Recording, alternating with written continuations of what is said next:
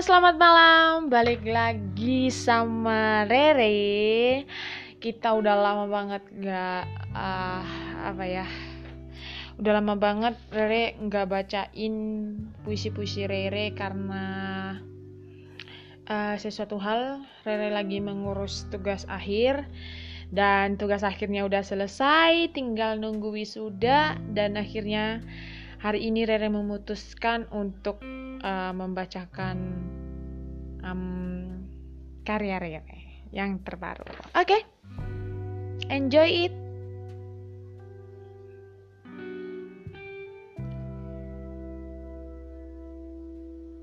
Mekar pada akhirnya layu.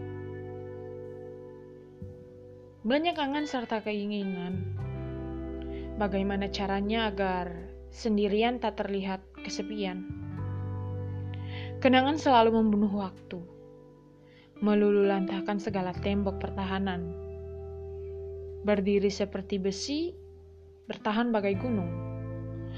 Hendak menutup awan agar langit tak terlihat, tetapi yang ada hanya gelap. Gelap sekali.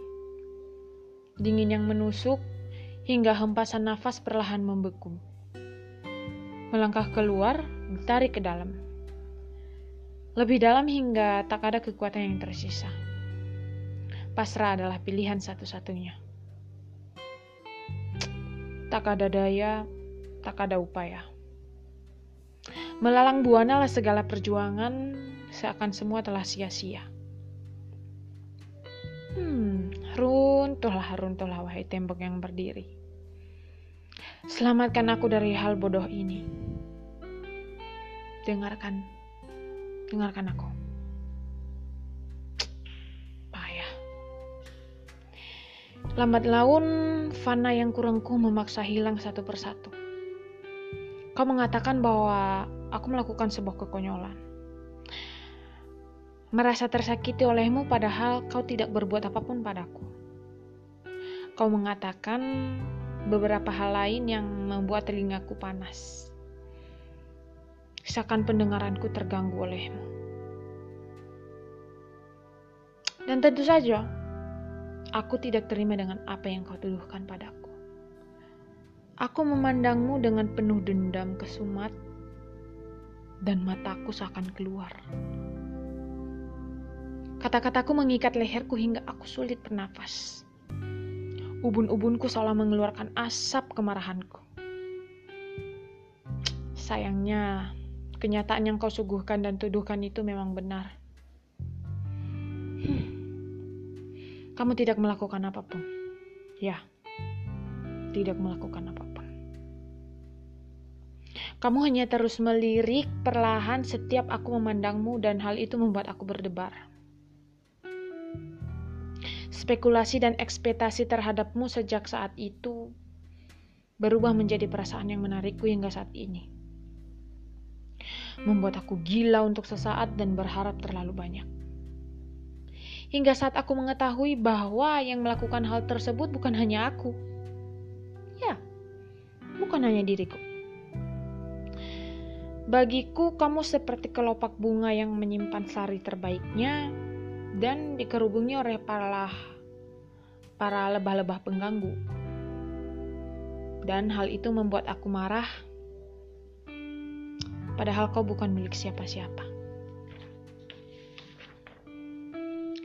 Lalu kata terakhirmu adalah penegasan bahwa aku juga tidak akan bisa memilikimu. Dan itu membuatku menyadari kekonyolan ini. Tidak ada siapa pun yang akan memilikimu kecuali pilihanmu sendiri. Aku sempat berharap aku adalah pilihanmu, tapi ternyata bukan. Setelah berpikir terlalu lama dan menghabiskan waktu berjam-jam, duduk, melihat matahari terbenam dan digantikan oleh bulan, aku menyerah.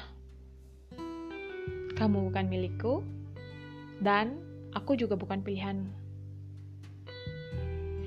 Kamu adalah bunga yang mekar dengan indah, tapi setelah itu lalu lalu。Hmm.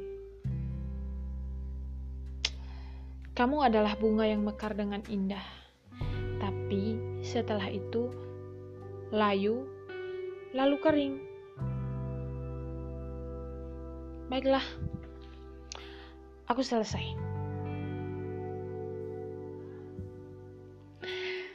Ditulis oleh Rere Februari tanggal 3 2020.